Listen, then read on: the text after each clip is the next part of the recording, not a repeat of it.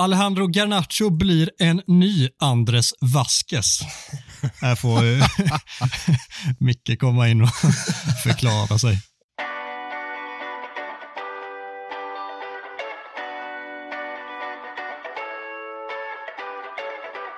Can Manchester United score? They always score. Rooney! Oh, wonderful! It's Berbatov! It's brilliant! Marcus Rashford! Oh, glorious! That is a special one!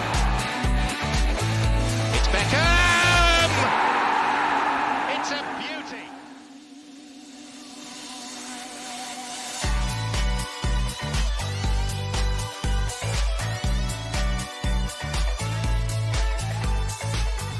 Känn er varmt välkomna till ett nytt avsnitt av United-podden. Podcasten som du inte visste att du längtade efter. United-podden görs i ett stolt samarbete med både den officiella skandinaviska supporterklubben MUS och United-redaktionen på Svenska fans. United-podden är tillbaka, Micke är tillbaka, Mackan är tillbaka, Adam är tillbaka och Gustav är verkligen inte tillbaka. Där har ni de fullständigt glasklara förutsättningarna för avsnitt nummer 104 av detta konstprojekt till ljudmedium. Hur bra är läget med Michelangelo borta i sitt gamla barnrum i de västgötska skogarna? Ja, jag älskar att du slänger upp Mackans benämning av pojkrum är ju ute nu, säger man mera barnrum eftersom man kan, man kan vara flera olika kön helt enkelt. Det är det Mackan tänkte på nu. Jag är otroligt PK. Ja, ni hörde ju inte det. Mackan benämnde det som barnrum precis innan vi klickade på räckar och kände att då måste vi såklart benämna det som just det. Hur är, hur är läget då, Micke, på riktigt? Ja, det, är, eh, det känns fint att vara tillbaka i mitt gamla barnrum. Det låter ju vulgärt på flera sätt, men om vi bortser från, från den definitionen så eh, är jag lite förkyld som ni kanske hör. Så ni får störa er på det. Att det låter som jag har kört upp, eh, jag vet inte vad, alltså fyra kilo mossa i näsan. Men det har jag inte, utan eh, det är eh, bara en liten eh, man cold. Så utöver det så är det väl strålande en dag som denna, tänker jag. Fan vad gott att höra. Och Mackan, välmåendet är på sin absoluta peak i vanlig ordning. Ja, alltså jag mår, jag mår faktiskt väldigt, väldigt bra. Eh, rent generellt liksom.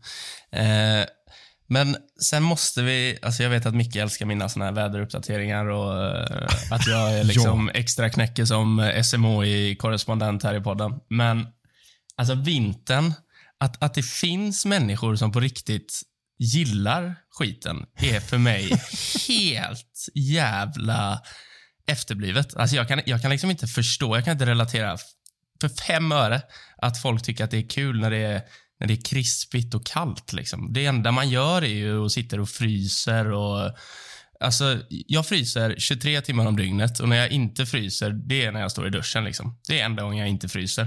Så eh, nej, det är jättebra, förutom att vintern suger. Det, det, så är det bara. Jag håller ju inte med dig gällande vintern. Jag, jag tycker om vintern, men eh, någonting jag verkligen, verkligen kan sätta ner foten gentemot så är det folk som kallar det för krispigt. Lägg fucking av. Ja, jag, jag kräks. Men okej, då eh, fråga då. Vad, vad är det som är så gött med vintern? Liksom? Vad, eh, vad är kul på vintern? Men jag tycker livet generellt är kul. Men jo, eh, ja, vintern, absolut jag också. Men det är ju roligare på sommaren liksom. ja, det är det verkligen. Det är det verkligen. Men jag gillar ju den här, alltså okej, okay, det här som det snart kommer komma, som jag bävar för, som alla har såklart, det är det här typiska storstadsslasket som kommer typ till Göteborg. Det är ju mardrömmen. Alltså vintern för mig är ju pudersnö och liksom bitande kyla där du går ut i underställ och så kommer du in igen och så sticks lite i kinderna och så eh, liksom tar du en, en kaffe, en varm choklad och så är det så jävla mysigt efter det. Men jag, för mig liksom vintern det är ju fjällen snarare än i Göteborg. Ja, men, vi ska väl säga det, jag, jag som har emigrerat till eh, andra sidan landet eh, och- det här kan vara otroligt tråkigt att lyssna på, men någonting jag verkligen har noterat är ju att vinter i Göteborg, det är fan något helt annat än vinter i Stockholm. Jag var en sväng nere i, Götet här i helgen och eh, fira, vi firade farsan som eh, fyllt 70 här förleden. Grattis till pappa Micke. Ja, det tycker jag. Det ska han ha. Men eh, den här jävla blåsten i kombination med typ någon minusgrad i Göteborg, det är inte samma sak som vinter högre upp i landet. Det är, vi, det är vidrigt, så att jag, jag lider fan med dig Mackan. Men vad skulle du vilja säga till den mest, eh, Adam är hyfsat eh, pigg på vintern här, men den, mest, den st största hurtbullen då som tycker att allting är krispigt, vad, vad skulle du vilja skicka med till de människorna Mackan? Oj. Något som inte ska sägas i podd tror jag. Eh, så jag, jag, tror jag passar på den bollen. Men alltså... Vill, vill, vill du avliva dem rent av? ja, typ. Nej, det vill jag såklart inte. Men eh, jag, jag, respekterar eh, såklart inte dem på samma sätt som jag respekterar andra människor. Eh, kort och gott. I alla, alla människors lika värde fick plötsligt en ny innebörd. ja. Ja, Nej, men jag, jag, relaterar mer med, jag relaterar mer med liksom Martial som kör vantar i augusti. Liksom. Där, där är jag också på något sätt. Så, så där, även, där, även där är jag och Martial lika. Liksom. Eh, så det är fint. alltså det, det, det är så jävla... Det är så sjukt on-brand. Man noterar ju Martial här när han sprang omkring. Alltså det var ju typ minusgrader på Goodison Park eh, och att inte han hade overall på sig överraskade mig. Och att han att överhuvudtaget kunde springa var också överraskande. Ja. ja. Tänk han också gjorde mål med de förutsättningarna. Det är en unik fotbollsspelare vi har att göra med. United klädde av Everton så det bara sjöng om det borta i staden som Gud glömde och vann med enkla 3-0 efter ett av de absolut snyggaste målen som mänskligheten har skådat. Hur mycket gåshud hade du på din gåshud när Garnacho cyklade in 1-0 efter en halv sekund, Micke? Ja, alltså det, ja, jag kollar faktiskt matchen med farsan. Han håller på Everton. Det är synd om den jäveln. Vi har ju nyss hyllat honom här att han fyllde 70.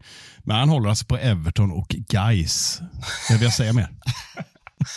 det är en otrolig kombo alltså. Han måste in i podden någon gång och förklara sig, men det får bli en annan gång. Nej, men så lång programtid har vi inte, för han, han, han är lite långrandig. Om jag är känd för vara det så Ja, det går inte ens att mäta. Nej, men vi, vi kollade i alla fall och han eh, har väl inte lika bra koll på Premier League som, som jag har, om man säger så. då. Sen får ni tolka resten själv. Men han satte sig ner med viss förväntan och så gnuggade sig om händerna och sa ja, nu, ska, ska vi, nu krossar vi United där. Och så blev det lite tyst på gubben och jag bara ställde mig upp och skrek. Morsan undrade vad fan det var som pågick och, och hunden började skälla. Och, ja, det, var, var total kaos här eh, i, eh, i mitt gamla barndomshem. Men jävlar vad länge sedan jag hade en sån gåshud på gåshuden. Jag ryser fan nu. Det, det är helt otroligt vilket jävla mål det är. Alltså. Man kan ta oss tillbaka till, eh, till dina sekunder när han hade cyklat in den där i bortre klyk. Alltså, jag, jag, tror aldrig jag blivit så chockad av ett fotbollsmål. Jag, jag, alltså, först och främst ställde jag mig upp och skrek bara. Eh, så tjejen undrade vad fan det var som hade hänt. Eh, för min, min tjej är sån att hon säger att men jag kan kolla matchen med dig. Eh, och så sitter hon i änden på soffan och eh, med mobilen uppe, så hon ser ju sammanlagt typ en och en halv minut av, eh, av matchen. Men när då Niklas Holmgren på det mest Niklas Holmgrenska sättet i världen säger oj, oj, oj, jösses! Då reagerar till och med hon. Och då stod jag redan upp och var typ halvt ute i köket och tänkte, vad fan är det som händer alltså? Eh, så ja, det var, ja, alltså det är klart man tänker tillbaka på Rooneys mål mot City och eh, det kom väl också från ingenstans liksom och mm, nästan lika chockad då, men jag tror fan att det här tar priset. Dels för att alltså det är så tekniskt omöjligt att göra och det är så tidigt i matchen. Man har ju liksom inte ens förberett sig på att eh, det ska bli ett mål, vilket mål som helst, och så kommer det målet. Äh, helt, helt sinnessjukt alltså. alltså Adam, du, du såg inte det här live eller? Du gjorde massa andra saker. jag såg detta live. Jag satt eh, på ett tåg hem från Hamburg och eh, det var lite sent som, som det alltid är och eh, det var jättemycket folk på det här tåget för de fick ju ställa in så alla skulle knös in på samma tåg. Så jag och min polare som åkte hem, vi satt eh, längst in vid sån här fyra säte, varsin sida om bordet mitt emot varandra. Och eh, tåget har precis stannat för det är såklart något problem med tåget. Sitter där och svär över att det är så dålig täckning för att jag får liksom inte upp streamjäveln. Så jag hinner se första 13 sekunderna av matchen och sen så bara får jag inte igång den. Och sen helt plötsligt så bara pang, den slår ju på. Och så ser jag hur Rashford får ta emot bollen på kanten. Släpper mm. ner bollen mot sidlinjen, eller förlängda sid, eh, mållinjen och där kommer Dalot och slår in ett alldeles för långt inlägg. Mm. Så här, och då har jag, jag har ju inte 8K HD på telefonen där då med den täckningen. Men jag ser bara hur Garnacho flyger upp och sen ser jag i nästa liksom, millisekund att bollen drar rätt ut i nätet i, upp i krysset. Och jag så hoppar till och bara, vad i helvete? Min polare sitter typ och sover på andra sidan, jag är så trött liksom efter en rätt stökig helg i Tyskland. Och vad helvete, kolla på det här. Han bara, vad fan är frågan om? Liksom? Och då, så här, då laggar streamen upp totalt igen. Jag bara, ja, det kommer snart här. Jag bara, kommer snart, jag vill bara sova. Och så visar jag det och till slut han bara, oh, vad i hela helvete är det som händer? Och eh, folk runt omkring börjar så här titta och tänka, vad fan, vad, varför är de så jävla taggade från ingenstans? Liksom. Sitter en eh, så här, 50 plus gubbe och en 50 plus tant bredvid oss på varsin sida om, om oss som så här halvslumrar. Han har ju så här småsnarkat flera gånger och vaknat till. Så, oh, oh, oh, okej, okay, inte veta vad han är liksom. Men jag bara rycker till så här, han bara, vad i helvete. Och det, det var ett jävla fint moment bara. Så Alltså, jag, jag hade ju räknat med att se den matchen hemma, men det blev på en USL stream i telefonen liksom på via Play-appen där som eh, gick sådär med det här, eh, så här 4G-nätet som snarare var sån här, E eller vad hette det som fanns innan det tidigare, något sånt typ. Det var så jävla buffrigt. Men jag fick se målet live och eh, det gläder mig något så in i bänken. Det var, det var fina, fina sekunder som jag fick uppleva på tåget mellan, vad fan kan vi varit där? Typ, eh, kanske kan vi varit i Åsa någonstans. Får googla ni som inte har koll var det ligger. Ja, men alltså fan, man glömmer ju aldrig vad man gjorde. Det är sånt här mål som fryser tiden. Det ska ju liksom inte gå. Och um, Jämförelsen har ju omedelbar. alltså det var det första jag tänkte på, Wayne Rooney. Det var det första jag tänkte på. Men eh, det är ju, Rooney ser väl att det touchar, när han i sin inlägg touchar någon på vägen va? Så den får en liten högre bana. Vilket gör att han, han ställer om snabbt. Men här är ju liksom överlångt inlägg. Och det känns ju som att det går inte rent fysiskt att trycka bollen åt det hållet med tanke på att han får sträcka sig bakåt. Så jag vill ändå säga att det här är, du var inne på det lite Mackan, om man ska ranka det här då, mer tekniskt svårt i och med att det är ett ganska svagt inlägg av Dalot. Även om Dalot har ändå kommit igång lite där. Det, det, ur, ur ett bicykleta-perspektiv så är det väl ett bra inlägg, men ändå inte, för den är ganska hård, snäv, bollen. Alltså det som slår mig mest är att han dels får backa, dels får ställa om sig och dels är det så sjukt långt ifrån. Alltså jag, det slår mig varje gång jag ser det här målet igen som har liksom rullat 200 000 gånger redan sedan igår. Att det är så sjukt långt ifrån som man cyklar in. Man har sett många bicykletas genom åren. För det blir ändå några per säsong i olika ligor. Men de, alltså, det finns ingen som är i närheten så svårt som det är, typ som jag kan dra minnes av att jag har sett någonsin. Liksom. I alla fall inte på den här eh, absolut högsta nivån. Det, det är så sjukt imponerande att han eh, cyklar in den därifrån och att han ens klarar av att som, vad ska man säga, ställa om kroppen så pass mycket när han backar så mycket som han gör. Jag fattar inte hur det, hur det är möjligt. Jag fattar inte det. Ja, det ser ut som han har gjort det där på träning typ ja, men varje träning så står de kvar. Jag ser det framför mig. att ja, men kan, Kanske inte Dalot just, det kanske, han kanske ber Bruno eller någon annan Junis eller något att slå lite inlägg. Det känns som att han, det var, det var inte så att oh, jag chansar här, jag har ingen aning hur jag ska göra här. Utan det där har han ju tränat på. Men, men frågan är om det går att träna på en sån ja, men, rent av nästan fysiskt omöjlig vinkel. Och så långt ut. Alltså få den bågen. Nu är Pickford ganska kort, en längre målvakt kanske tar den. Jag vet inte, men eh, han är ju å andra sidan rätt snabb Pickford. Det, han är ju helt chanslös. Mm. Ja, jag, jag, tror, jag tror fan inte någon, jag tror inte någon tar den, för det kommer från liksom ingenstans. Jag tror, jag tror inte någon målvakt hade liksom ens tänkt att nu kommer han att cykla den här bort till kryss här. Det, det finns ju inte på kartan liksom.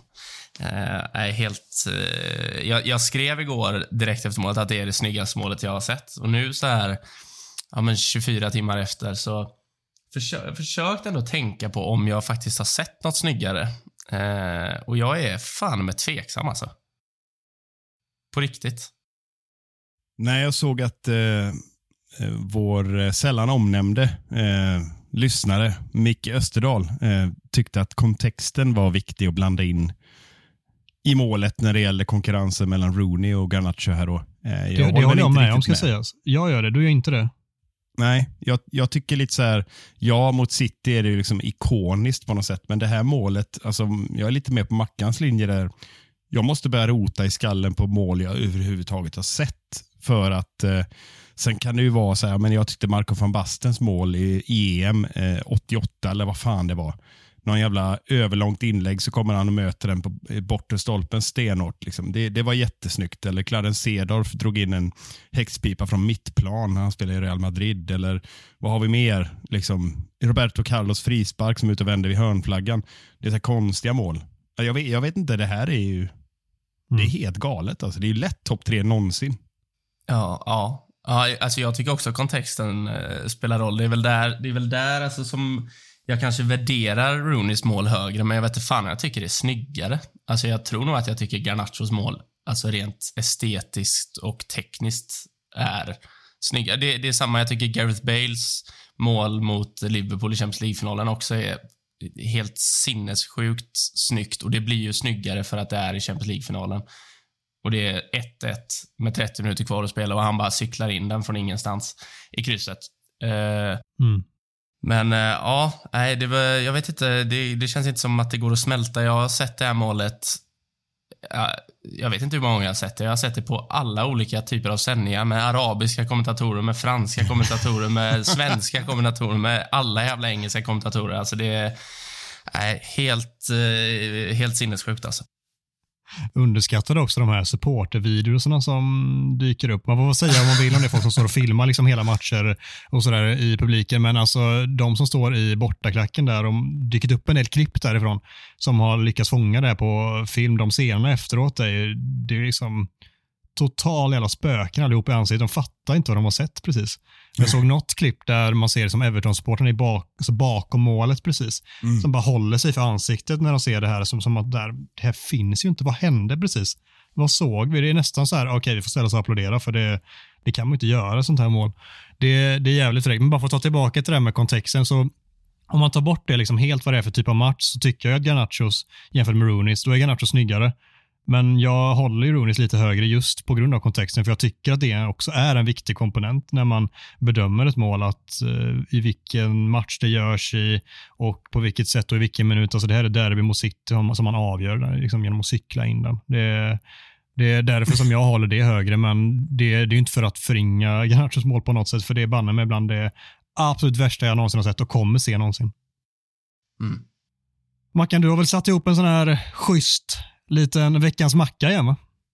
Absolut, absolut. Och eh, det blir en eh, det blir en traditionell jäkel. Det blir en lyfta två och sänka en. Eh, oj, oj, oj. Trots att vi för första gången den här säsongen vinner en match med mer än ett mål. Ja, börjar det negativa då så river vi av det. Ja, och det, det här kanske är hårt då.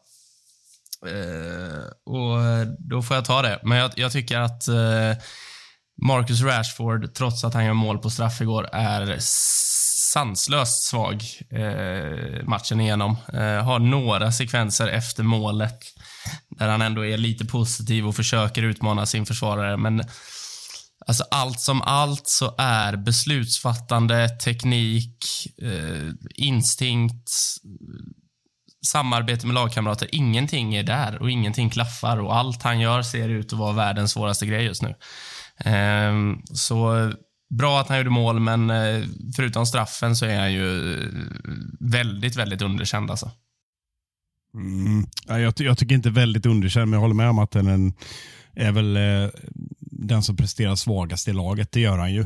Sen eh, fin gest av Bruno får vi lyfta fram också. Helt rätt. Kaptens eh, Aurit och, och lämna över bollen till Aurit. den spelaren som mest behöver det. Finns inte det ordet för övrigt, men- Kaptens-aurit. ja, det är härligt. Nej, men jag, jag, jag, och så här, jag, tycker inte, och jag, jag håller med dig att han är ju sämst av United-spelarna. Tyvärr, sen tycker jag inte att han är så dålig som, som du målar upp där. Men med det sagt, så, så här, just straffen i sig i det läget, han har ju egentligen typ allt att förlora där också. Så jag tycker att han ska ha cred för sätt han ändå tar sig an den och smäller upp den i krysset. Och det känns som att han efteråt är så här, det är som att han ber om ursäkt. Han vågar liksom inte ens fira för det är som att han känner själv vilken dålig form är. Han är det just nu att han inte riktigt är, är bekväm med att få det målet. Typ. Det Mm. noterar jag. Det var ju spelarna som liksom så här, knuffa med honom. Kom igen, fira nu med oss. Liksom. Så här, det, det är klart som sjutton att du ska fira målet och kanske få några procent bättre självförtroende igen. För det är precis det han behöver. Så kaptens aurit av Bruno och eh, bra av Rashford att ändå med de förutsättningarna se till att stänka dit den straffen. För det är mycket på spelare och det är mycket press på hans axlar. Ja, Ja, ja. sätter, sätter han inte den så kan ju matchen ta en annan vändning. Det vet man ju inte. Så absolut. Och eh, all skit handlar på honom liksom, på alla Ja. sätt och vis.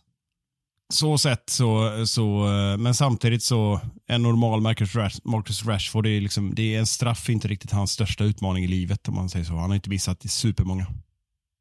Så är det. Så är det. Tyvärr bara i en EM-final. just det. Men det var inte för United, så de gills ju inte. Så det är ju skitsamma. Nej, det gills verkligen inte. Det har du verkligen rätt i. Nej, okej, vi, vi får väl eh, bara suga i oss att Rashford var den som var sämst. Tyvärr, vad har vi på plussidan? Vem var näst bäst och vem var bäst? Nä, näst bäst var vår eh, cykelsparkande argentinare. Eh, som såklart får eh, mycket här på grund av att han eh, gör som han gör efter två och en halv minut. Eh, men jag tycker också att han gör en alltså väldigt eh, gedigen arbetsinsats. Jag, jag gillar inte att lyfta det för mycket när vi snackar om offensiva spelare, men jävlar vad han sprang alltså. Han måste ha fått någon, eh, uppenbarligen så fick han ju extra energi av att göra världens snyggaste mål någonsin. Eh, Men det kändes som han liksom fick en extra lunga av det. Jag har aldrig sett han springa så mycket defensivt. Eh, Och, och sen även att han vågar, han vågar utmana. Sen tycker jag väl att han, alltså Ashley Young får ett gult kort ganska tidigt. Där en lite mer rutinerad ytter kör ju bara Young varje gång och då är ju Young utvisad efter 50 istället. Eh, Så det är väl, ehm, jag, jag tycker fortfarande man kan förvänta sig mer av honom offensivt, men jag tycker att han tar um, många steg i rätt riktning i spelet rent generellt nu. Eh, och är näst bäst. Han skulle gjort som Bakayo. Kör honom bara! Bak- Bakaja. Ja. Herregud, Ljungberg. Ja, vi sparar det va. Ja. Men eh, Ja. ja, jag håller fan med. Alltså, jag minns en löpning. Han springer hem och hjälper Shaw som står och beställer en megamenyn med, med extra mycket dipsås till. Han, han, så, han var ju typ, eh, vi ska prata Shaw sen kanske, men han, han var lite Ja, lite trög i början tycker jag. var lite orolig för honom. Rusar Garnacho hem. Jag tror det är ganska kort efter det där sjuka målet. Och, helt galen. Bra, eh, bra hemjobb Garnacho, säger Ljungberg. Ett av få beröm till United-spelarna under matchen. Och, nej, jag håller med dig. Jävlar vad han jobbade hem. Hårt, hårt. Ja, det, jag tyckte att han såg märkligt, ska man säga, kantig ut med bollen emellanåt under matchen. Alltså, I övrigt så håller jag med er helt och hållet och han ska såklart ha en plats bland de två främsta när man gör, som Mackan sa, det, världens snyggaste mål någonsin.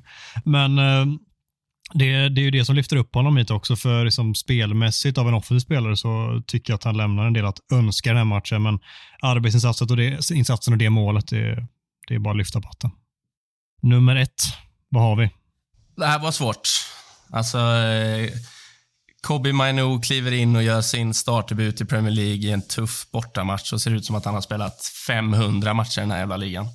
Eh, jag, jag tror aldrig jag har sett en eh, 18-åring gå in på ett eh, ganska dysfunktionellt mittfält och bara styra och ställa som att han inte har gjort något annat eh, hela sitt liv.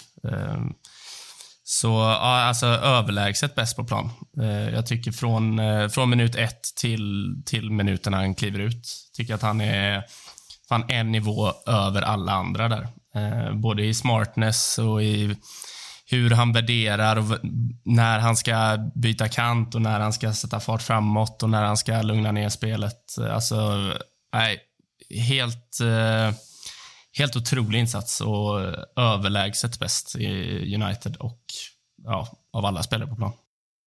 Ja, det är, jag, vet, jag vet inte knappt vad jag ska säga. Det blir lite grann så nu. Man, man får passa på att ta i nu, tänker jag. För precis som Garnachos mål så måste jag börja fundera på vilka andra debuter har jag någonsin sett som har varit bättre? Och Jag vet inte, Adam, du, du har ju ett gott minne och du är med Mackan, men alltså jag vet inte. Jag är liksom där uppe på den Alltså Rashford, allra högsta. Rashford gjorde ju typ fem debuter i rad i alla olika tävlingar där han gjorde mål direkt typ och var svinbra. Ja, och det, det är väl mer ett... Eh, alltså det är så svårt att jämföra eh, det otroliga avslut han gör. i- Vad är det? Nordsjälland han, han gör sina första mål, va? Och Midtjylland. seglar. Så heter de ja. Ja, det är sak samma. Allting heter likadant där. Men, men eh, det är visst, det är avslut och det är otroligt jävla moget och så Men så vidare. är det två mål mot Arsenal i Premier League-premiär. Alltså sådana, liksom så här, sätta i kontext. Men jag håller med dig och mittfält är en på ett sätt också svårare position och i ett helt dysfunktionellt lag. Vi ska inte säga att det United-lag som Rashford kom in var inte heller felfritt på något sätt, men det, alltså, det, det ska inte på något sätt ta ner eh, Mainos insats, för det är en otrolig debut. Ja, alltså det, och det är det jag menar. Om vi, vi liksom tänker oss att du ska gå in i maskinrummet och styra. Du ska i en utsatt position, ja men, typ ställa dig längst bak och hålla i bollen och fundera lite. Spelar felvänd och plötsligt frispelar, jag kommer inte ihåg det, om det är Rashford eller vem han slår ut, eller om det är Dalot som kommer ångande, skitsamma. Han, han gör några otroliga beslut Eh, och som många har konstaterat, det, det, superlativen har haglat så finns inte så mycket kvar att ta till här. Men just det, skillnaden mot en mittfältare som inte är bekväm med bollen är att man, ja, Scott McTominay är elakt att, jämföra med, men det kommer en spelare och pressar mot dig och så är de typ 10 meter ifrån. Casemiro spelar ju rätt mycket så. Det vill säga gör ifrån, skickar iväg bollen rätt tidigt. För Casemiros spelstil är det. Kobby, han väntar ju för fan in spelarna. Han bjuder in Och sen pressen. kommer en liten sidledsförflyttning eller bara en litet pet rakt fram i banan. Eller, det ser ut som han, han har så mycket tid så att... Eh, jag, jag, vet- jag, jag vet inte vad jag ska säga mer. Det, det är bland det sjukaste jag sett tror jag på någonsin på fotbollsplan. Sättet att komma in på det från ingenstans och bara dominera. Han är, han är allt som det här mittfältet har saknat så många år. Eh, Mackan, du har lyft upp det flera gånger i podden. Jag har gjort det själv. Jag har nog alla varit där och tallat flera gånger och liksom skrikit efter någon form av spelare som kan hålla i bollen, som kan vara lugnet själv, som kan ta bort pressen. För alla andra spelare behandlar den som att det är liksom lava när de får den och ska skicka det fort som fan så fort någon kommer i närheten. Istället som, som vi pratade om innan, han, han bjuder in till press istället. Och då är det så mycket lättare att spela sig förbi den. Han väntar in, när kommer den? Bra, då vet han precis vad, vad han ska sätta, hur han ska sätta den och hur han också själv ska röra sig efteråt. Han står inte still där, utan han flyttar sig antingen framåt, bakåt eller sidor för att vara spel, eller spelbar igen. Så det, det låter som att det är så enkla grejer, men det är ju liksom egenskaper som det här mittfältet har saknat så länge och det, det tycker jag är imponerande och någonting som inte har nämnts eh, alls lika mycket i, i kontexten kring hans insats är ju också hans defensiva ansvar och hur viktig han är. Det är inte bara de här liksom sista minuten-brytningarna, den som man tar på mållinjen, har något täck på något inlägg från vänsterkanten också, utan han står ju också rätt i princip hela tiden. Det är så fruktansvärt moget agerat av en spelare som gör sin första år som 18 år, sin första match som 18-åring från start i, i Premier League. Det, det är väl där som jag tycker att det gör att det sticker ut så otroligt mycket. Och sen om någon annan supporter till något annat lag lyssnar på det tycker de säkert att vi tar i från tårna, men titta genuint på hans insats igen och, och peka på någon aktion i matchen där han ser valpig ut eller som att han ser eh, ovan ut på den här nivån. Det finns ju ingen alltså, överhuvudtaget. Jag tror jag har sett så här highlights-paket från hans insats med liksom alla aktioner, inte bara liksom hans bästa. Det är ju inte något som egentligen, det är kanske något som man halvt kan ifrågasätta, men det kan du göra med Tony Kroos också i en, en vanlig ligalunksmatch i 90 minuter. Är fruktansvärt jävla imponerad av honom och det, Mackan jämförde honom, inte rakt av, men liksom det var lite så Carrick-esk skrev någonting i, i chatten tidigare, om det var idag eller igår och jag kände direkt, ja, fan vad jag älskar Kobe Mainu nu, han är bäst i världen. Ja, Alltså, han är ju bet, bättre än Carrick. Sen, sen det är klart olika Hej, spelartyper. Hej, hej. Ja, jag vet att du älskar honom. Men Car Carrick var ju han var otrolig på att slå den här genomskärarna med smör på. Eh, alltså hela tiden slå ganska hård passning, ofta upp på Rooney eller någon annan eh, mittfältare eller offensiv spelare som kom i fart. Alltså typ var dödlig helt enkelt. Det här är ju liksom fler saker. Vi har inte sett de där passningarna riktigt än. De kommer komma, men, men just spelet, hålla i bollen så nära kroppen och värdera hela tiden. Det vet inte jag om jag har sett från en så ung spelare. Jag minns ju knappt när Carrick eh, kom till United. Han var inte så jävla ung väl, när han kom från, vad fan kom han från? Ecclespurs eller vad var det nu igen? West Ham? Nej. Tottenham. Ja, jag, jag ville bara lägga till det innan vi, innan vi släpper Kobby för nu. Eh, alltså det, det är så mycket mer, jag blir så mycket mer imponerad av unga spelare när de kliver in i en så utsatt position. Alltså det är klart att det är jätteimponerande när, när Garnacho kliver fram och blir en viktig spelare i, i offensiven för Manchester United eller när Mbappé fullkomligt exploderar som anfallare i Monaco när han är 17 bast och trycker in hur mycket mål som helst så är det jätteimponerande. Men det är, jag, jag tycker det är så jäkla... Det sticker ut så mycket mer när liksom ta sig Emery i PSG den här säsongen. Han kliver in och är, är han 17 bast och är, och är bäst i Mm. PSG från, från en djup mittfältsposition. Eller som Gavi och Pedri i Barcelona de har Ja, kommit in där som unga spelare. Det är, liksom, det är på den nivån talangmässigt som Kobe Manu målats upp som i ungdomslagen och som vi börjar förstå varför han har gjort det nu också. Ja, men han är ju bra på allting. Alltså, eh, på- riktigt alltså. Han, han är ju... Jag, jag, jag kan inte se någon... Nu, nu tar jag till sjuka superlativ här nu, men alltså... Oftast kan man ju eh, ganska snabbt se vad en spelare brister och Mainu har väl såklart sina brister i fysiken, men han är liksom 18 år och gör sin första match och han mäter ju sig ändå med Ducoré och uh, Ghana Gay och James Garner på mittfältet där, som att det inte var någonting. Eh, och gör dessutom en felfri defensiv insats och bidrar med lugn och kvalitet i speluppbyggnad. Alltså, eh, jag, jag, är, jag kan inte släppa att han går in och är så jävla bra. Alltså. Det jag tycker det är helt sjukt. Sen är han ju så jävla god också. Man älskar ju Kobby, man vill ju adoptera honom. Nej, sätt inte honom hemma hos dig i Stockholm. Nej, gör inte Det hade inte varit, det hade inte Nej. varit mysigt. Nej, gör inte det. Sitter ni och Nej, dricker inte för IPA någon. blir han förstörd direkt. Sån där IPA-öl. Det går inte. Nej, nej, det går fan inte. Mackan, eh, första andra platsen hur, hur nära var din största kärlek i livet, Anthony Martial, att ta sig in där efter att ha fixat en straff och pillat in en chip eh, till 3-0? Uh, eh, nej, alltså. Inte, inte, inte jättenära egentligen. Alltså, för Garnacho är given på grund av målet han gör och Mainu är ju bäst i världen. Så det är uh, inte så nära. Sen tycker jag ju att första halvleken är relativt svag. Alltså, men det, det är för att vi inte riktigt använder honom Alltså vi använder inte hans styrkor. Så fort vi börjar spela upp den på fötterna på han och han låser fast bollen så blir vi ju mycket bättre i offensiven. Gör bara det från början. Sen, sen så här, tio av tio gånger han får det läget han får så är det ju mål. Han är ju vår alltså, bästa avslutare med, jag vet inte hur stor marginal. Jag, jag, tror, jag tror att tillsammans med Tillsammans med, eh, vad har vi för eh, anfallare i Premier League? Eh, tillsammans med Haaland och Watkins så har jag nog ingen annan spelare i det läget än Martial. För han är så lugn. Alltså man bara vet att man vet att, man vet att chippen kommer där. Liksom. Jag visste när han tog emot bollen att nu kommer han chippa den. Och det, eh, han är så självklar i det. Eh, så det, det är synd att han är, har blivit lite för lat, för han kommer ju till de chanserna lite för sällan. liksom. Eh, men när han väl gör det, då är det mål. Så är det ju bara. Mm. Det, det är ingen jättedålig passning av Bruno heller. Nej, verkligen Nej, inte. verkligen Verkligen, inte. Man tror att det är en, en, en bred sida bara. Det är bara att slå fram bollen.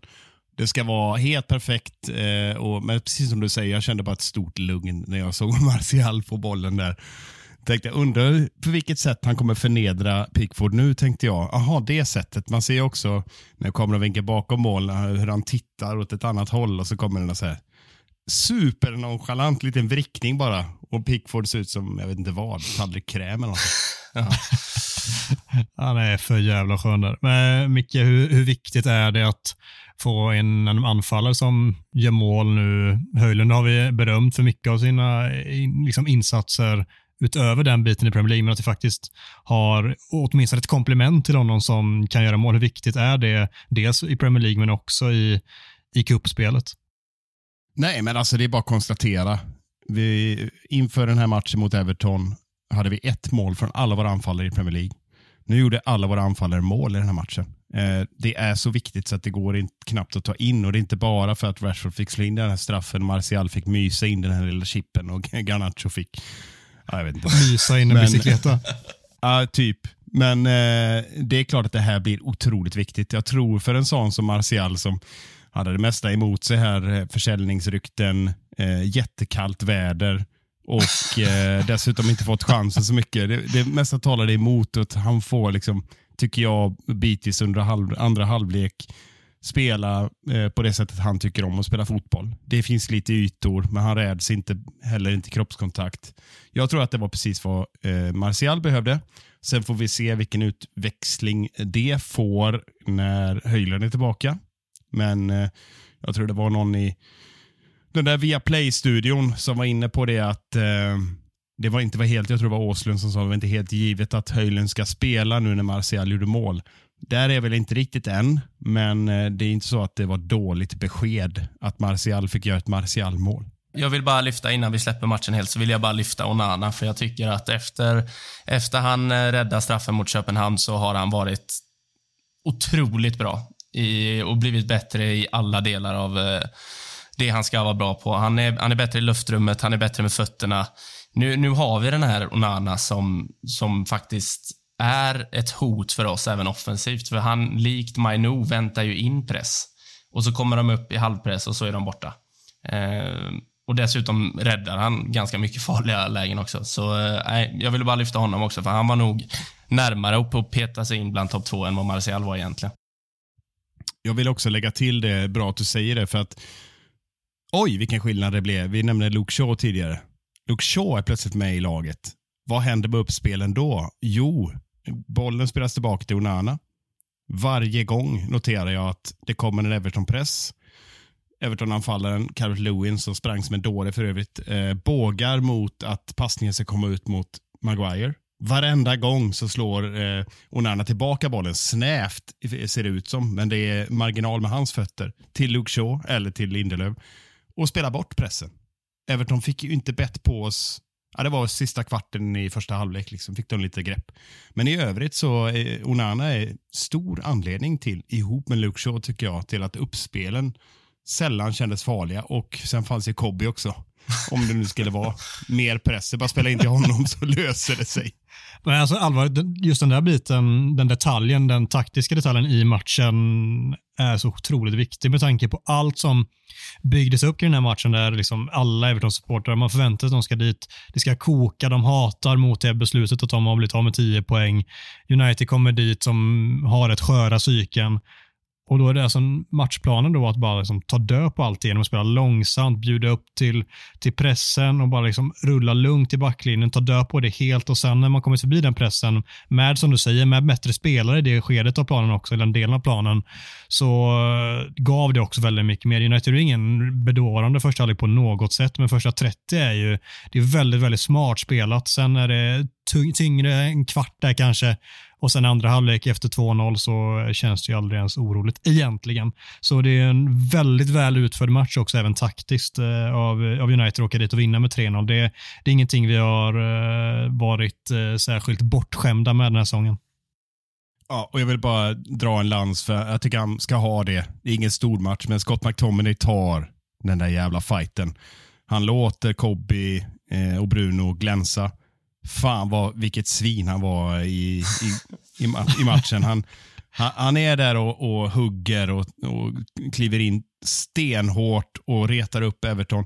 Det ska vi faktiskt inte glömma, även om Scott McTominay aldrig kommer få hyllningsrubrikerna, förutom när han gör två mål på stopptid möjligtvis. Eh, han, han gör sitt jobb i det tysta och jag, vi får inte glömma det, för jävla vad jobbig han var för Everton. Bra, då har vi recenserat varje spelare, så gå vidare. Gött är det. Ja, underbart.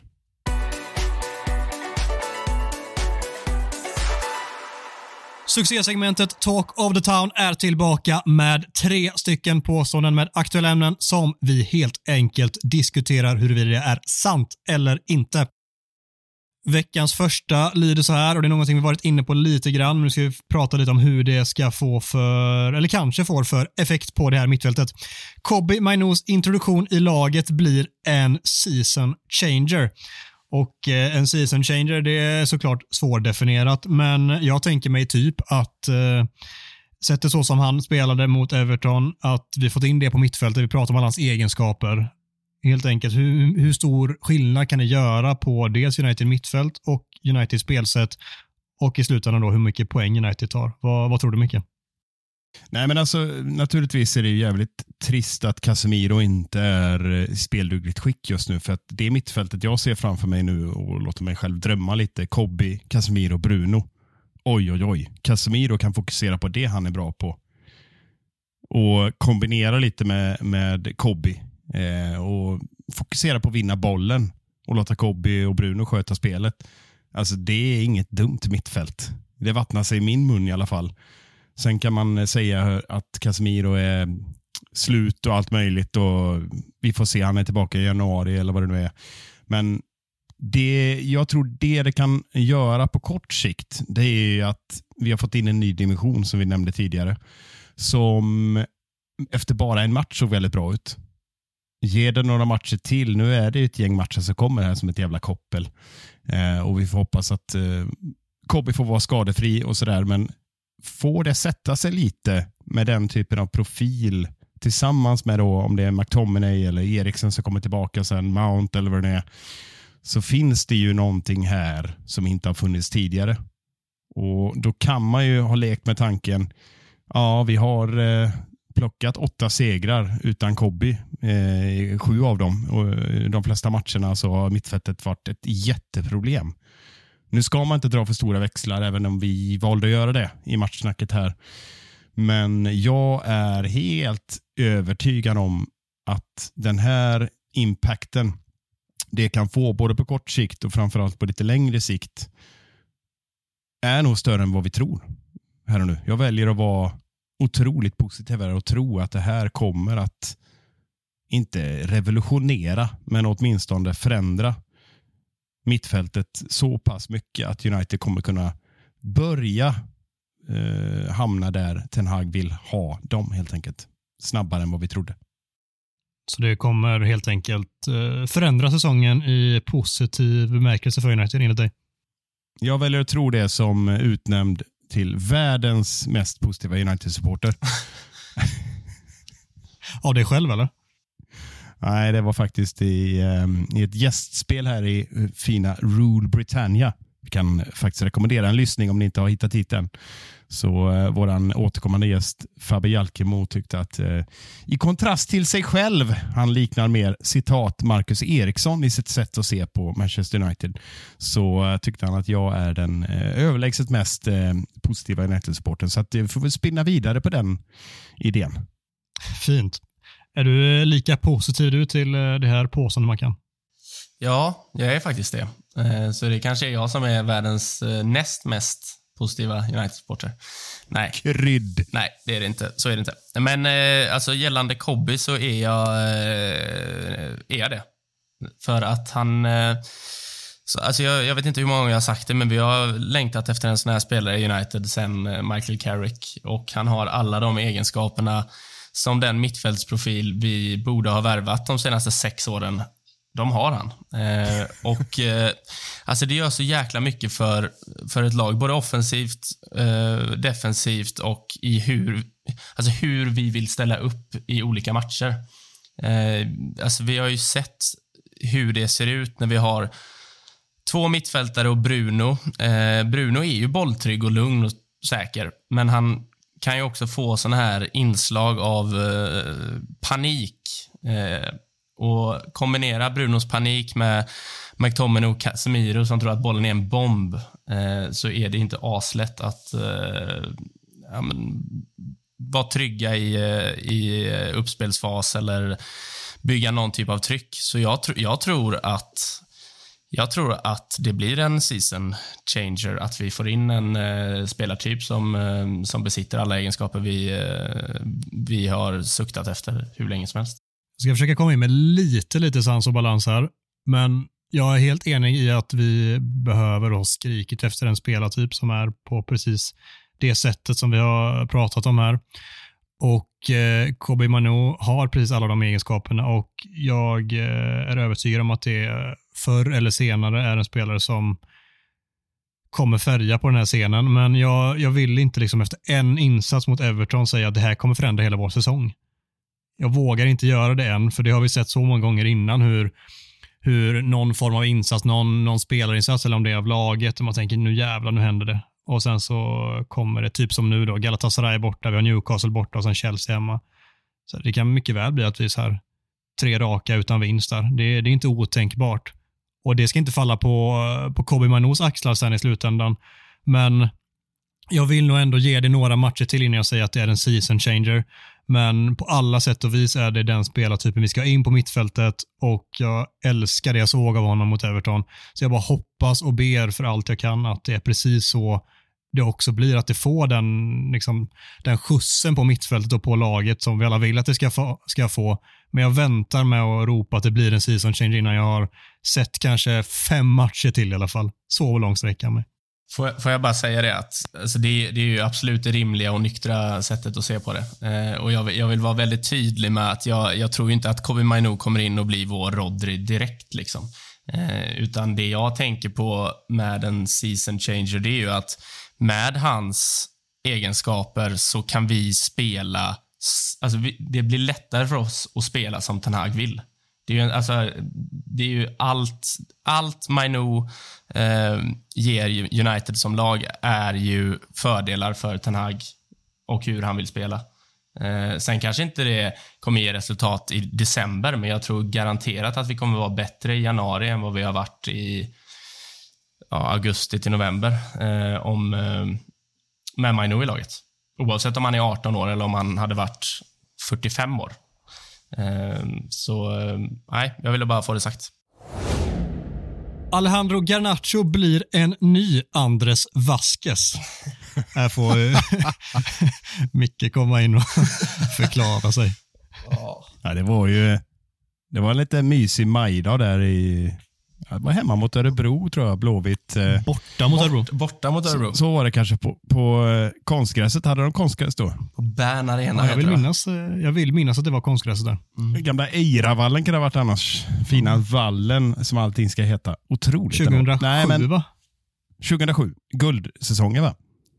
Då, eh, en del vill ha det till ett inlägg, men den här jävla rabonan som man skickar in där i bortre gaven med så gammal friidrottsstag. så att det studsade nog typ eh, ner i staget och studsade upp i målet, vill jag minnas. Men det var ett tag sedan jag såg det nu. Men då eh, tänkte ju alla att eh, shit, det här med YouTube är nytt. Och så blev det typ en världs grej. va? Ett galet fokus blev det och sen hände inte så jättemycket mer va? med Andres Vasquez. Vad tog han ens vägen? Vad har vi på honom? Vad tog han vägen sen? jag vet bara, jag tror jag tror att han var, han var runt en del, men jag tror att han var någon sväng i något schweiziskt lag och sen så landade han tillbaka i Häcken i Sverige och färgade liksom noll. Alltså det blev ju ingenting. Han levde väldigt, väldigt mycket på det här målet som de flesta visste vilket det var för att det var ett sånt sensationellt mål som han gjorde där med sin Rabona långt utifrån typ, alltså det är ju från vad, alltså långsidan. Liksom. 27-28 meter minst ja, ja, jättelångt från. Men det, det blev inte mycket av honom. Men vad, vad vill du komma med Garnacho och Vasquez nu då? När du satte ihop de två i ett påstående. Nej, men jag, jag tänkte lite grann eh, lite det vi diskuterade. Vi la ju rätt mycket tid här i början på att prata om det målet. Jag tycker det är värt att göra det. Men jag reagerade lite på intervjun eh, efter matchen som Bruno och Garnacho gjorde med, med eh, sändande kanal. Det var väl, var väl Sky, va? utan att veta. Eh, de sänder olika där. Men hur som helst, ni såg den intervjun. Och ni som ja. inte sett den, se den och titta lite grann på, alltså Garnacho står ju typ i någon annan värld.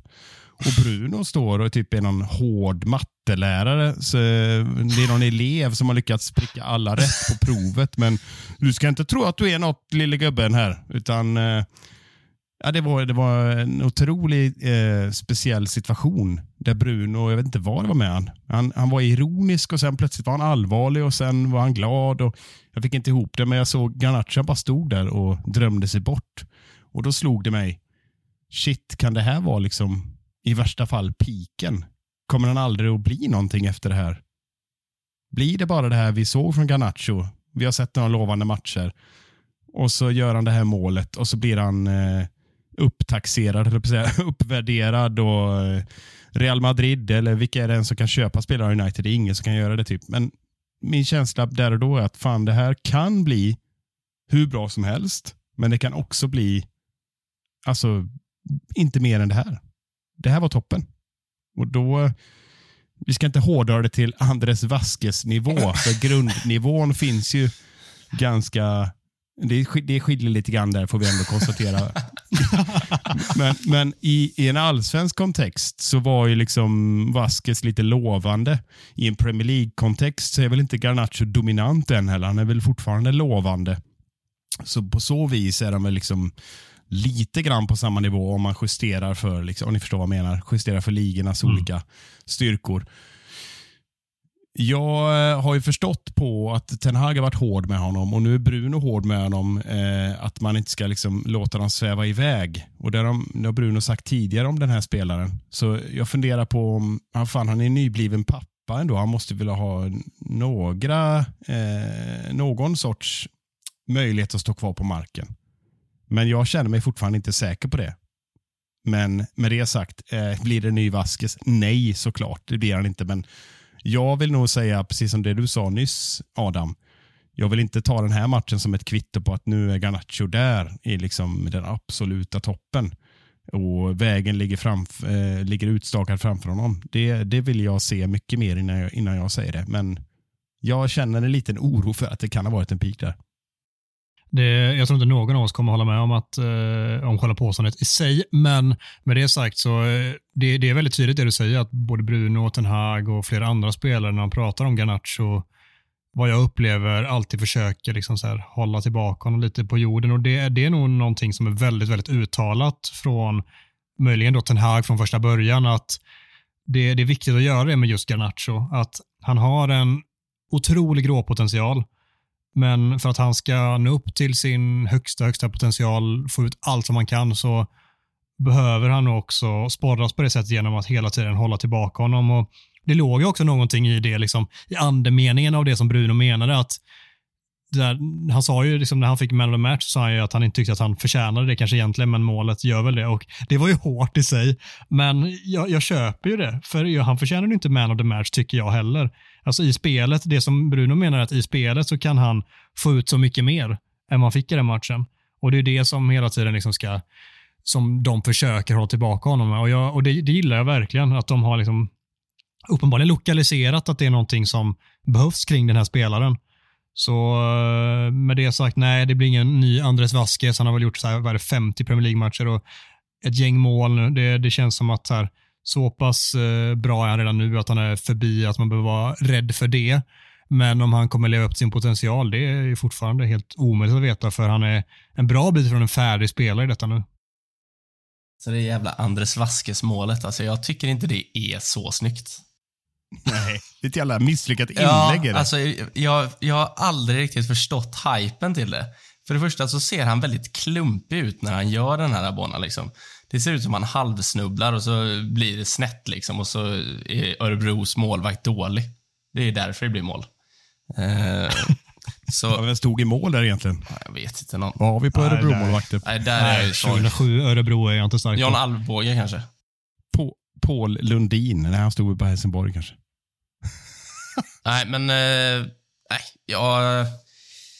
Alltså allt han har bevisat eh, hittills talar ju för att han eh, inte kommer bli en ny Andres Vasquez. Jag var inne och kollade Andres Vasquez här. Han var ju i Schweiz eh, en del. I, eh, i, eh, han var ganska bra i... Gustavs kompis. Han får alltid vara med. Schweiz. alltså han var ganska bra i Zürich, eh, noterade jag. Han, han gjorde ändå 11 på 66 i Zürich. Eh, så någonting blev det ju ändå av Vasquez. Men eh, jag är, jag är rätt övertygad på att eh, Garnacho bara har börjat och det tar, alltså allt han har åstadkommit och att han är Argentins landslagsman vid 19 års ålder och är en viktig spelare för Manchester United och kommer bara bli bättre. Eh, så nej, jag, jag säger också nej på det här påståendet. Men så här då, finns det mycket någon oro från din sida, ja eller nej bara, från att han inte kommer, finns, så här, finns det någon betydande oro från din sida att han inte kommer leva upp till sin potential? Det finns det. Det, det är, eh, även om jag inte förstod just Brunos behandling i den intervjun, så förstår jag, likt det du är inne på, att man försöker hålla honom på jorden. Och jag vill se honom prestera över tid, vara den här dominanta impactspelaren som vi tror alla att han kan vara. Jag är inte säker på att Garnacho kommer att bli eh, en ny Ronaldo eller som en del väljer att spå honom. Jag är fortsatt lite orolig för att det finns den där det finns en konflikt eh, på något sätt. Hans, hans ego eh, vet jag inte riktigt hur stort det är, men att det är stort, det kan man ju notera. Men, men, men, men ett stort ego måste man ha. Du, Jo, men du att det- kan ju inte gå runt och, du kan ju inte gå runt och vara liksom Facundo Pellistri. Liksom, se ut som att... eh, alltså han ser inte ens ut att tro på sig själv. Liksom. Han ber om ursäkt för att han finns. Ja, alltså du måste nog vara... eh, Cristiano Ronaldo är ju inte känd för att vara den mest sympatiska och ödmjuka människan i världen. Han har ju blivit den han är för att han förmodligen har det största egot i världen. Liksom. Eh, så det där är inte jag orolig över. Eh, sen är det väl inte... Det, det är också så jävla orättvist att man ska jämföra Garnacho med Ronaldo direkt. Liksom. Att, för det, det är ju... Alltså Ronaldo är ju en av de bästa spelarna i historien. Eh, Så om man mäter på den måttstocken så är inte jag alls eh, säker på att så bra kommer han bli, men eh, jag är rätt säker på att han kommer bli en spelare av hög, hög nivå. Jo, alltså, men det är klart det jag menar med jämförelse med Ronaldo är väl snarare när Ronaldo kom fram i United. När han, eh, I början där, det var den där kalven på grönbetet. Eh, inte så mycket muskel på kroppen, men otroligt yvig. Skillnaden då är att eh, försvararna är ju numera tränade och springer inte omkring i någon jävla ölmage. Och, så man, det, var, det var inga lysande ytterbackar Ronaldo mötte på den tiden. Idag är ju alla några jävla fullblodsmaskiner. Så, att, så att så sätt så är det inte så jättelätt för honom att totaldominera. Men han har ju alla egenskaper egentligen för att vara precis på den här högsta nivån. Men det jag menar med ego är att det är väldigt mycket fokus på vilket örhänge och hur jag ska raka ögonbrynen idag. Och, och lugg, om luggen låg rätt med tre färgade hårstrån och så vidare. Det är Fan, det hellre det än att han sitter och dricker bärs liksom, som, eh, som gjorde förr. Jo, så, såklart. Men ja, miss- det är väl möjligtvis jag som är avslöjar att jag är lite gammal i, det, i, i den här kontexten. Alltså, det är bara ni som är van vid det TikTok-generationen och selfiepinnen. Det heter något annat nu för tiden. Ja. Ja, vi lämnar det där och går vidare till nästa påstående. Vi kom ingen vart här, Micke. Då ska vi hoppa in i veckans Town Hall där vi i vanlig ordning går igenom förra veckans Town Hall och den löd så här. Bruno Fernandes är topp tre i världen på sin position. Där svarade ja 39,2 procent och nej 60,8 procent. Vad gör du av den fördelningen, Micke?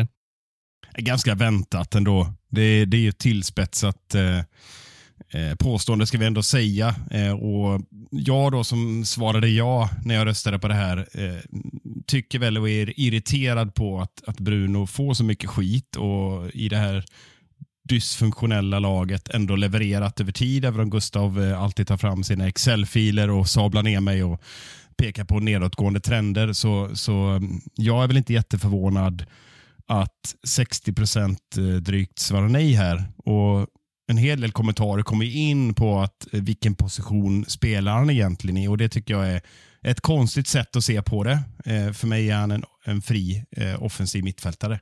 Sen om han hamnar ute till höger, ibland, det är en annan sak. Så det var egentligen det som vi menade här. Och jag vet inte Mackan, vad, vad har vi grävt fram? Ja, det finns lite allt möjligt att, att ta på här eh, bland våra kära lyssnare. Eh, men eh, så jag kan ju börja här med Sadjad. Jag tycker den här är intressant. Sadjad Asari. Är Bruno 2020s svar på Rod van Nistelrooy? Grym spelare, men kanske att laget blir bättre utan honom. Minns när vi sålde van Nistelrooy, satsade fullt ut på Rooney och Ronaldo och till viss del Zaha. 06-07 är i min bok fortfarande bästa jag någonsin sett United spela. Jag vet inte fan. Alltså jag, jag skulle vilja eh, jämföra van Nistelrooy med Haaland. Alltså mm, så tillvida att det blev ju några mål. Några, några stycken snubblar han in. Ja, han skyfflade in dem. Sen om, eh, alla målen gjordes i boxen, typ, i typ målområdet. Han kunde väl inte göra mål utanför. Det var väl så ett mål eller något så här. Jag minns Ett- någon statistik. Men, Han, han gjorde ett mål i typ sin, om det var så här, typ femte sista match för United. Enda målet han gjorde utanför straffområdet. Det är helt galet. Men det, de tycker jag är mer lika, så, så jag, förstår, jag förstår symboliken, men jag håller inte med Sadjar här. Han har, brukar ha vettiga åsikter, men jag tycker det är en konstig jämförelse. Jämför med Haaland istället. Som eh, måste, an, hela laget måste anpassas till honom. Och funkar inte det, då gör inte Och så han, råkar de vinna en trippel på det. ja, då gör inte han mål. Det är väl det som är grejen. Ja, jag fattar. Har vi någon mer kommentar Mackan, eller ska vi köra vidare med veckans? Nej, men det, det fanns lite att ta av här, men jag, jag, tycker att, eh, jag tycker att vi kör vidare. Vi gör det. Vi har ett tajt schema, men vi fortsätter att verkligen tacka för vi har fått in en jävla massa kommentarer på de här numera och det är bara jävligt, jävligt roligt. Veckans Town Hall lyder så här. Manchester United är tillbaka i titelracet och eh, Mackan, du får väl börja på den då. Det tycker jag inte. Och, eh, alltså, det är klart att eh, Manchester United är det mest formstarka laget i ligan sett till eh, tagna poäng senaste sex. Men eh, alltså, det sättet som vi har vunnit våra matcher på den här säsongen, undantag mot Everton, eh, är inte hållbart i längden. Eh, då behöver man då behöver man eh, ha ett mer Alltså, det, det måste finnas mer positivt att ta av. Nu har vi liksom scramblat till oss åtta, sju segrar i ligan och en eh, komfortabel seger. Eh, medan, alltså jag tycker inte till exempel City har inte varvat upp än liksom, och de är fortfarande fem poäng för oss. Eh, Sex. sex poäng för oss. Till, Nej, fem. Fem. Fem. fem. Det är jag som yrar. ja, det är bra. Arsenal är väl sex poäng för oss. Och Ja, det var det jag tänkte på. in, inte heller de har varvat upp helt, eh, skulle jag väl säga. De har väl eh, haft några sådana United-segrar. Eh, till exempel nu i helgen. När Kai Havertz gör mål. Vad fan händer? Eh, skit i det. Men eh, nej, United är inte med i något titelrace. Kanske att de har gett sig väldigt eh, bra förutsättningar sett till prestationer att faktiskt utmana om en Champions League-plats däremot. Det kan jag väl eh, gå med om. Men inte något titelrace, det blir det inte. Precis de lag som nämnde, de har inte varvat upp, men det går ju absolut att säga att United inte har varvat, varvat upp samtidigt här med liksom, alltså United har nu tagit lika många segrar som Liverpool, är sex poäng från första platsen plötsligt, trots liksom en miljard skador och periodvis uselt spel, som Micke ville beskriva det som eh, i, i chatten häromdagen. Var, liksom, om man bakar in det kan man inte samtidigt se det som att det finns en jävla potential att ta av. Om United har sett ut så här och liksom är så här nära toppen när man har varit riktigt dåliga, vad händer då när det börjar se ganska bra ut och till och med bra och kanske väldigt bra? Nej, alltså jag, jag svarar ja på det här. Det, och det är precis, eh, nu, nu ska jag ta en liten omväg här och börja med att trycka till. Jag hatar inte att trycka till om olika studios. Det är snart Champions League-studio igen också. ser vi fram emot. Nej, men vi, alltså, nu, det slår ju för fan alla rekord. Det här enorma fokuset på att ju, eh, hata United. Alltså det var helt sjukt. Det var liksom... Eh, Ljungberg sedvanligt då. Eh, började, ja, nu måste Brooks ta tag i det här. Eh, när McTominay gjorde någon halvful stämpling. Och det domaren skulle ta tag i att United var så dåliga. Jonas Olsson har ju liksom utmålat sig till, han, han hatar ju United. Det, det är så dåligt allting och Åslund har redan bestämt att Ten Hag ska få sparken. Och då eh, funderar jag kring, liksom, det, är inte, det är inte bara den här studion, vi inte reducerar det, de har inte så, så stor makt, men de flesta älskar ju att leta problem. Och nu är vi i en situation som vi beskriver här, att fantastiska, otroliga Liverpool som har lyckats med sin enorma eh, förändring i, på mittfältet och vad allting är bra. De har åtta segrar och vi har åtta segrar. Visst, vi har fem förluster och spelat hackat. Men vi har haft en jävla massa skador och jag fick nog att ranta det här lite på gullebarnet Tottenham som plötsligt nu har fått tre raka segrar och det beror ju bara på skadorna på nyckelspelare. För Förluster, United va? har ju inte haft, jag har inte haft några skador alls. Nej, nej, det spelar ingen roll. Det är bara Ten Hags filosofi. Låt säga, och jag vet att alla hatar det här men hypotetiskt resonemang. Hade United haft Kobby, Casemiro, alla de här skadefria, hela backlinjen skadefria, men förmodligen så hade vi inte haft fem förluster. Jag är helt säker på det. Sen kan man hålla på och säga, vända på det om och när och hur. Absolut, men jag, eh, givet resonemanget vi har haft idag. Kobby har kommit in, skadeläget börjar ljusna. Vi har eh, en anfallstrio som gjorde varsitt mål. Låt, låt se vad som händer. Vinner vi mot Newcastle och Chelsea, till skillnad från det du målar upp Adam, att vi har tre raka torsk på gång eh, här. Men vi, vinner vi de två, men då är vi i titelracet. Så det är i inte svårare än så. Det är inte svårare än så. Ja, jag, jag tycker inte, alltså jag är mycket mer på Mackans sida. Jag var tvungen att spela djävulens advokat lite förut, men jag, jag, jag tycker inte United är tillbaka i titelracet. Jag, jag ser inte att United har en chans att vinna Premier League den här säsongen. Men som Mackan säger, United plötsligt från att känna som att nej, det blir nog inte ens i närheten av en Champions League-plats för en månad sedan eller vad det nu var, så är vi plötsligt där det känns som att det, det ska kunna lösa sig. Det är hård konkurrens om det. Det är det verkligen. Men plötsligt så känns det som att det, liksom med alla de här förutsättningarna som vi har pratat om precis här som du lyfte upp, få in lite spelare igen, få upp lite självförtroende, kollektivt självförtroende, spelet börjar sitta lite grann, få in andra egenskaper i laget, så plötsligt känns det som att vi har en väldigt bra chans att, att lösa åtminstone det, vilket är ett minimum för United och vi- det var inte det vi hoppades på inför säsongen, men vi har pratat om det massa gånger innan i podden, att eh, vi har, i alla fall jag har fått skruva om mina förväntningar och mina liksom, krav och målsättningar för den här säsongen på grund av allt som har hänt med både ägarsituation, med, med eh, liksom sommarens transferfönster och därefter framförallt med skadeproblematiken och att spelet inte har klickat överhuvudtaget sedan dess. Så då känns det plötsligt ganska optimistiskt och vi kanske kan bygga vidare på någonting därefter med de här spelarna som kommer in i laget. Så nej, titelrace absolut inte, men eh, plötsligt känns det optimistiskt gällande en topp 4-placering och det får väl vara bra det. Får jag bara lägga till innan vi går vidare här att Eh, det, här, det här med Spurs eh, skade, för där är, jag, där är jag med dig Micke, alltså att det blir så jävla vinklat eh, att ja, men nu har Tottenham skador. Jag tror inte man har nämnt att United har haft skador, så det, det, det är ju skevt. Sen måste vi också lyfta vad fan håller Uniteds eh, fysio och medicinska avdelning på med? Alltså, någonting har ju gått gravt jävla fel sen i somras. Hur många skador har vi haft? Fast jag, jag, jag håller fan inte med här Mackan. Eh, Det, det vi har varit här och vänt i den här återvändsgränden. Jag satt och räknade lite på det, gick igenom alla lags eh, skador. Dra en gissning hur många skador det är totalt i Premier League just nu på 20 lag. Ja, jag vet. Jag, jag har sett det. Jag kommer inte Men ihåg, jag hur många kommer är det inte ihåg siffran. 110. Abs absolut, det, det är mycket det är skador. och det, det, är inte bara, det är inte bara United som har påverkats av skador. Det, det jag tycker är märkligt med skadorna United har åkt på, det är återkommande skador. Det är samma spelare som får olika typer av skador. Alltså nu, nu gick Mason Mount sönder igen och är borta enligt The Athletic en månad till. Ehm, och så har vi Anthony som har haft problem. Då åker han på en skada. Ehm, Varan, nu vet jag inte hur, vilka växlar man ska dra av det. Ehm, men det är återkommande skador. Alltså Lisandro Martinez går på för tidigt och drar upp sin skada. Alltså det är ju... Det, är ju- det, det, är bara, det känns bara väldigt konstigt. Ja, nej, men jag, jag, jag, jag tror det är ett generellt problem, ett strukturellt problem det här mer. Jag håller med om att United har haft mycket skador och jag tror det finns en stress i, ja, men, i Mount, i Lisandro Martinez fall etc.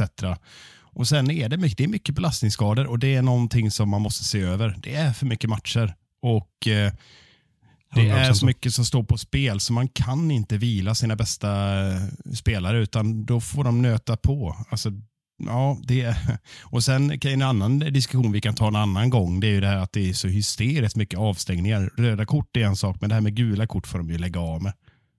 De håller på att stänga av efter fem kort, det får de ju justera. Ja, ja.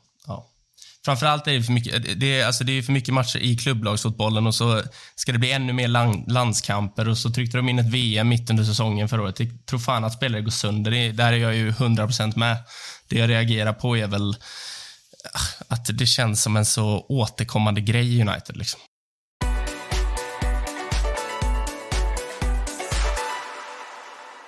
På lördag klockan 21.00 säljs United i en tuff bortamatch mot Newcastle och Micke har satt ihop en oskön motståndarkoll. Mm, ja, men det är klart jag har gjort. Vi eh, hoppar ju naturligtvis som vanligt över Champions League och bara konstaterar att vi krossar turkarna och Gustav är på plats. Och eh, Han tar eh, Qatar Airways eh, fina, fina svit eh, i planet där, tar ner till Bullen som man brukar säga, istället för Istanbul. Med det sagt så ska vi alltså ta oss an Newcastle. Det känns som att vi har mötts en hel del eh, och vi kan väl konstatera att Ja, först en liten quizfråga. Har vi lätt eller svårt för Newcastle generellt? Det brukar Gustav köra. Svårt. Jag säger också svårt här. Det beror på vilket perspektiv man har. Eh, tittar man tillbaka till en fantastisk mätpunkt från 2010 och framåt, typ modern tid, så har vi faktiskt ganska lätt för Newcastle. 15 segrar, 6 oavgjorda, 6 förluster alla tävlingar. Tittar man på ligacup så är det två segrar var, eh, varav eh, den näst senaste var ju trevlig. Sen förlorade vi mot dem här förleden. Men vi kan ändå konstatera att i lite mer närtid så har vi inte slagit dem på två försök på bortaplan. Annars är faktiskt eh, i historien, eh, konstiga referenser här nu, så har vi lyckats bättre på St. James's om man jämför med Old Trafford mot just Newcastle. Och Det kan man fundera lite på.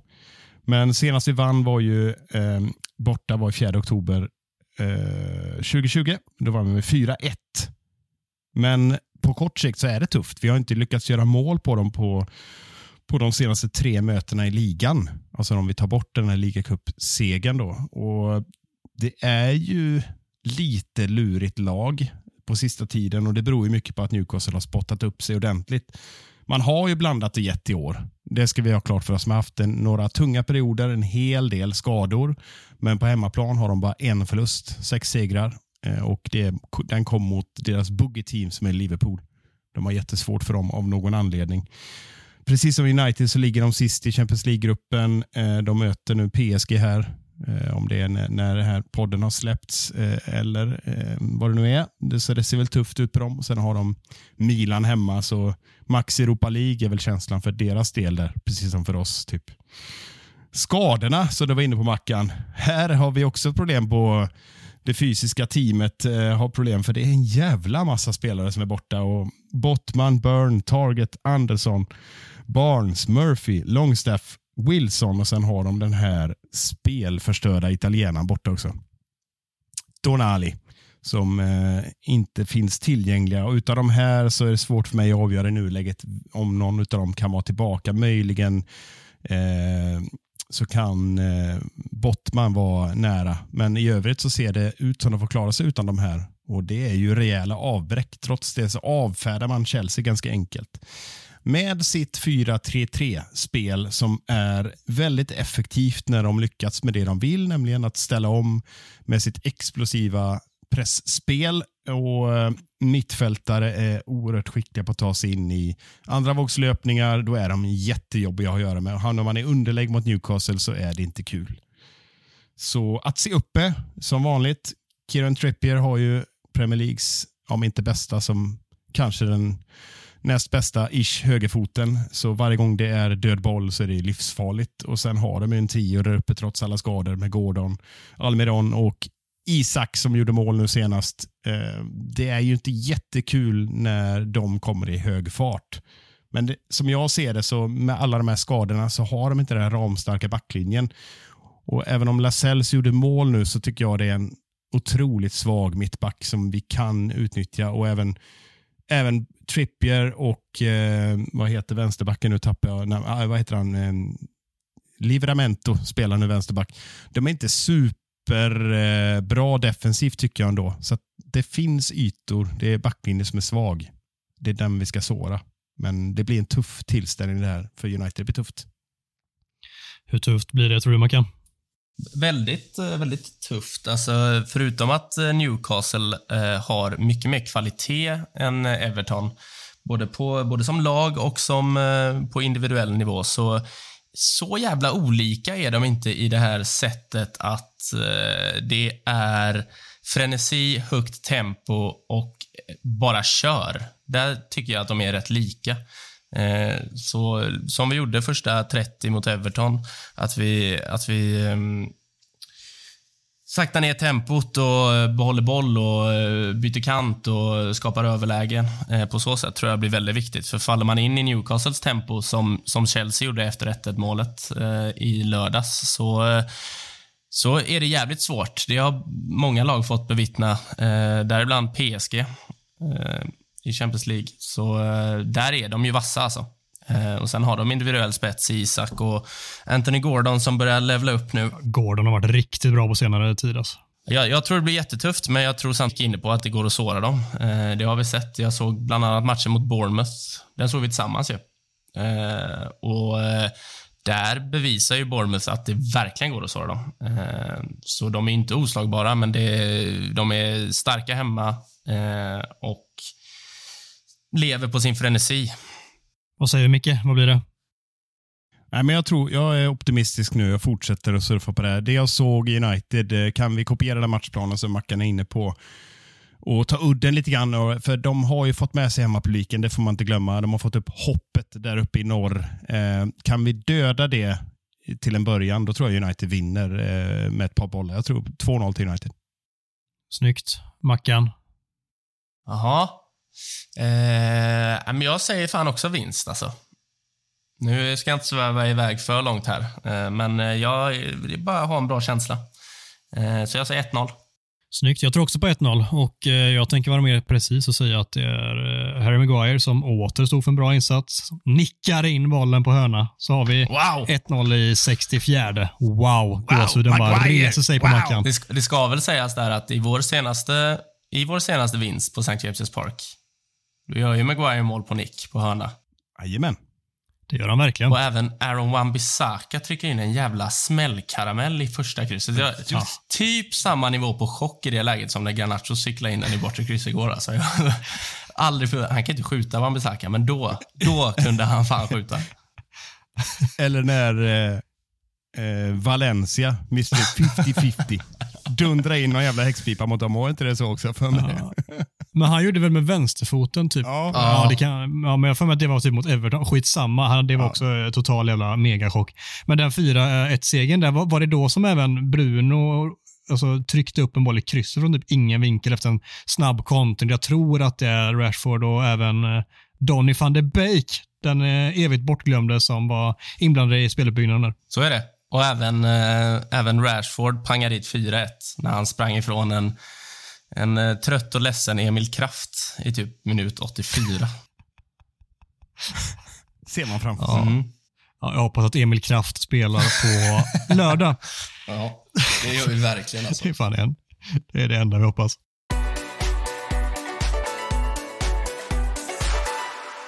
Vi avslutar givetvis med eh, ett gäng lyssnarfrågor. Vi eh, kommer inte hinna köra allihop för den här veckan. Vi har nog fått rekordmånga, vilket vi återigen är jättetacksamma för. Fortsätt sjukt gärna med det. Den första vi väljer att lyfta upp den här veckan är eh, Henrik Svenssons. Hon lyder så här. Hur mycket bättre hade den svenska samhällsdebatten blivit om den skruvades ner till samma lugna och eftertänksamma Xavi-puls som Mainu spelade med i kväll? Den får du svara på, Micke. Ja, jag, jag hatar inte på den typen av frågor. Otrolig fråga ändå och väldigt relevant. Eh, och då tänker jag så här snabbt på, i och med att jag pratade innan om att jag vill adoptera Kobby. Så eh, det är inte jättemånga samhällsdebattörer och politiker jag vill adoptera, måste jag säga. Så att det hade jag ju välkomnat. Men det känns som att eh, Kobby har inte så jättemycket starka åsikter. va? Han hade inte vunnit en debatt mot eh, Donald Trump. Nej. Så kan det vara. Vi kör Henrik Ros också här. Svårslaget när anfallare gör mål. Backar försvarar och målvakter räddar. Låter som självklarheter för många supportrar, men för oss är det värt att stryka under, för det var ett tag sedan senast. Är det en sån här match som är en krampaktig 3-0-seger? Ja, det är, det är, väl bara Gustav som egentligen vet vad en krampaktig 3-0-seger är, men eh, jag tänker väl att eh, jag, jag, tänker väl att eh, det typ är det. Jag såg att Everton har något XG på 2,50 eh, och vi på typ 2,10. Eh, så eh, ja, men det är väl det. Är väl det då. Anton Jakobsson skriver så här. Har Martial bytt från eh, är det för Coco Pops till müsli på frukostbordet eller vad är det som har hänt? Samt, vad har hänt med våra nya BB, Ahmad Diallo? Lever han fortfarande eller är han fortfarande kvar i USA och kollar på baseball efter försäsongen? Jag kan svara på det här med frukostvanorna så tar du hand om eh, baseballgrejen där Mackan. va? Ja, visst det blir bra. Ja, men, alltså det, jag vet inte varför jag alltid tänker på Luke Shaw när man pratar om frukost. Det, där har vi ju liksom, eh, jag noterar Kellogg's, är det de som gör kalaspuffar också eller vad- vem är det som gör dem? Förmodligen. svara på. Förmodligen. 50-50. Ja, man, man, minns ju, man minns ju ändå somrarna där när morsan när de var borta när man var typ 11 år. Rusade till affären och köpte en eh, sån 400 grams mega eh, förpackning med, med kalaspuffar. Så eh, börjar ju alla dagarna så, men alltså det här tjockishånet mot, mot Martial, det vet jag inte. Det, han känns, eh, han kör nog fransk frukost va? Det känns så va? Fyra cigg och en eh, espresso. Ja, verkligen. Vad tror vi om eh, vår nya BB Ahmad då, Mackan? Ja, det är fan, jag har tänkt på det här också alltså. Det är en jävligt bra spaning. Eh, Han blir kvar, det är lite så här ensam hemma va? ja, det, det, det känns bara... Ten Hag reser sig upp och säger Ahmad! Det, det, det känns också som att Ahmad inte kan ett ord engelska, så om United hade råkat glömma honom så hade ingen märkt det, för han kan inte säga till någon. Liksom. Eh, så ja, förmo Nej, Och förmodligen. han tar sig inte hem sen. Det, det är väl det som har hänt. Förmodligen. Antagligen. Vi har en sista och det är såklart den viktigaste frågan från Martin B. Mark. Vem i United-podden hade kunnat återskapa Garnachos cykelspark? Vi börjar med dig Micke. Har du löst det? Alltså, jag, jag har ju konstaterat och tänkt på det faktiskt sen jag såg den här fina frågan. Jag hade ju naturligtvis klarat att komma upp till den eh, vinkeln, för sån viget har ju... Problemet för mig blir ju när resan neråt eh, Moder Jord börjar. och framförallt konsekvenserna i landningen. Så jag tror jag har en överlevnadsprocent på typ 3 procent eh, chans att överleva en, så- ett sånt försök. Ja, Mackan. Hur, eh, hur stor sannolikhet är det att du löser den? Ja, inte, inte jättestor, men sjukt nog så tror jag nog att jag har störst chans att lösa den i den här podden. Och då är jag fan och med stel alltså. Jag är liksom 192 centimeter stel golfare. Eh, så procenten är ju inte ashög på att jag löser det. Eh, men jag tror ändå jag är... Det, det är mer troligt att jag gör det än att någon av er andra gör det. Nej, jag måste fan för en gång skulle dra en lans för Gustav här. Han, han fixar det där tror jag. Det, Känns bara- det, här, alltså, det ska du fan Är inte, är inte känslan att Gustav inte har någon bollkänsla? Han har, han har liksom han, tappat den längs vägen på alla... Han har blivit en kulturmänniska på, och han har varit det så länge. Liksom. Jag tror inte att han... De här, de här rötterna från, eh, från fotbollsträningarna när han är 10 till 12 till 13, de, de, de sitter inte i fortfarande tror jag inte. Nej, alltså, jag tror inte han har rört en boll på 15 Nej, år. jag tror inte heller det. Han, är, han, han ser ut, för er som inte har sett Gustav i sin fulla prakt, det, han är ju oerhört lik Olof Mellberg i fysiken. Det är en stadig bit liksom, men Mellberg hade väl en bissa i Luktar sig in- med nej, nedkavlade nej. strumpor. Det luktar inte cykelspark om Mellberg alltså. Det, det luktar ju mer cykelspark om Petter Hansson än Olof Mellberg.